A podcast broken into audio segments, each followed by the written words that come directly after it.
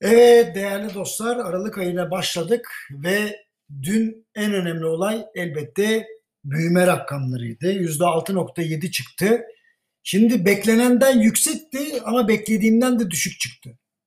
Yani ortalama %5,5 bir beklenti vardı piyasada. Çıkan rakam 6.7 idi. Şimdi bu standart satma değil.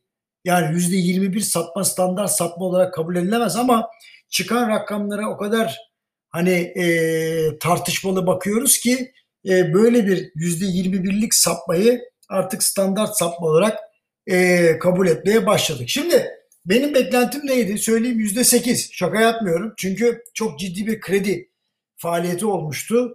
Bu kredi faaliyetinin en azından e, yani finans sektörü tarafından lokomotif olacak bir büyümenin önünü açacak dedim. Nitekim finans sektörü bir yıl önceki aynı döneme göre yüzde 41 büyümüş ama yetmedi. Niye? Çünkü ihracatın performansı negatif oldu ve aşağı doğru çekti. Şimdi biz ne yapacağız?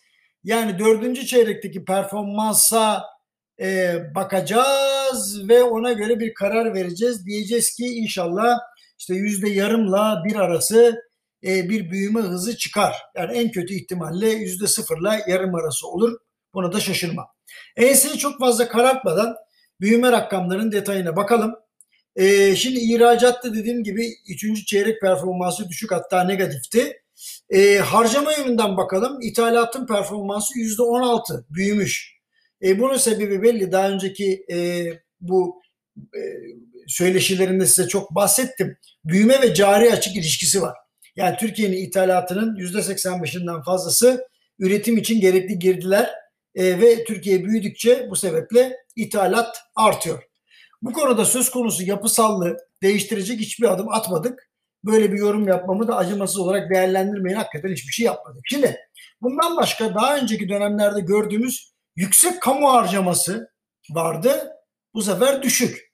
Yani kane halkı e, tüketiminin büyümeye destek verdiğini görüyoruz ama en önemli oran beni şaşırttı ve sevindirdi sermaye oluşumu. Yani sermaye mallarının büyümeye ciddi katkıda bulunduğunu görüyoruz. Bu iyi bir şey yani bundan sonraki dönemde.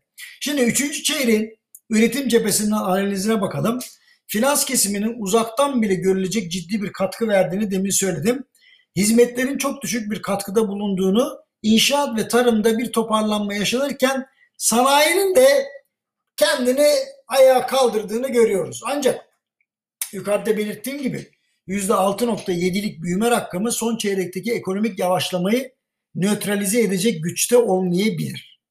İşin esasına bakıldığında bu yılda %0'ın biraz üzerinde büyürsek Türkiye ekonomisi üst üste 3 yıl çok kötü bir performans göstermiş olacak. Şimdi bu kötü performansın sadece bir yılı pandemiyle alakalı. Geri kalanı ise piyasa ekonomisinden, ekonomisinden kopmamızdan kaynaklanıyor desem yanlış olmaz. Bundan başka bizi bekleyen diğer tehlike de giderek dijitalleşen dünyada çok sayıda insan çalıştıran sektörlerin daha az insan emeğine ihtiyaç duyacak olmaları. Bu çerçevede yüksek büyüme rakamlarının istihdam yaratamadığını daha önceki dönemlerde tecrübe ettiğimizi hatırlatayım. Bundan sonra daha belirgin şekilde de tecrübe edeceğimizin altını çizeyim. Teşvikleri istihdama bağlayan yaklaşımdan teknoloji ve dijitalleşmeye bağlayan bir yaklaşıma doğru gitmez isek büyümeyi istikrarlı hale getiremeyeceğiz. Büyümeyi ne pahasına olursa olsun yükseltmek değil, dünyanın nereye gittiğini anlayarak ona göre yeni bir model oluşturmak ve buna uygun bir eğitim sistemine doğru konuşlanmak zorundayız. Yapısal reformlar kim ne desin istikrarlı büyüme ve kalkınma için en önemli destekçilerimiz olacak. Bu konuda direndikçe ekonomik istikrarsızlık ve iç siyasetteki istikrarsızlık dış politikaya yansıyacak ve bize zarar veren bir sarmalın içine düşeceğiz. Daha önceki dönemlerde yaptığımız hatalardan ders almamız elzem gözüküyor. Biz yine uyarımızı yapalım. İdare kendi bilir. Efendim yarın görüşmek üzere. Hoşçakalın.